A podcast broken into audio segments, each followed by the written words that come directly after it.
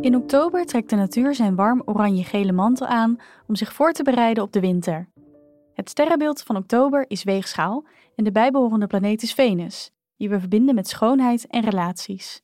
Venus staat het grootste deel van oktober in maagd. Wat betekent de oktoberpositie van Venus voor jou?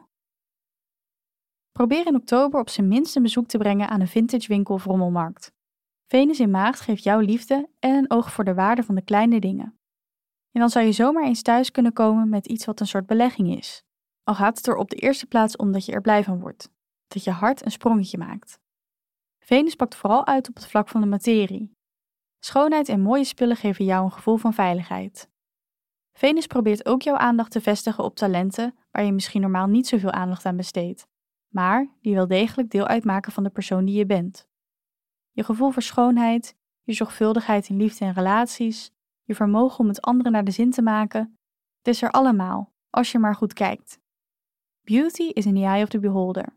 Venus wil je motiveren om die schoonheid vooral in de spiegel te zien.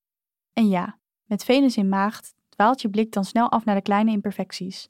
Maar dan is het de kunst om die ook te omarmen en lief te hebben. Bedankt voor het luisteren. Wil je jouw maandhoroscoop nooit meer missen? Vergeet je dan niet te abonneren op ons kanaal. Liefs, happiness.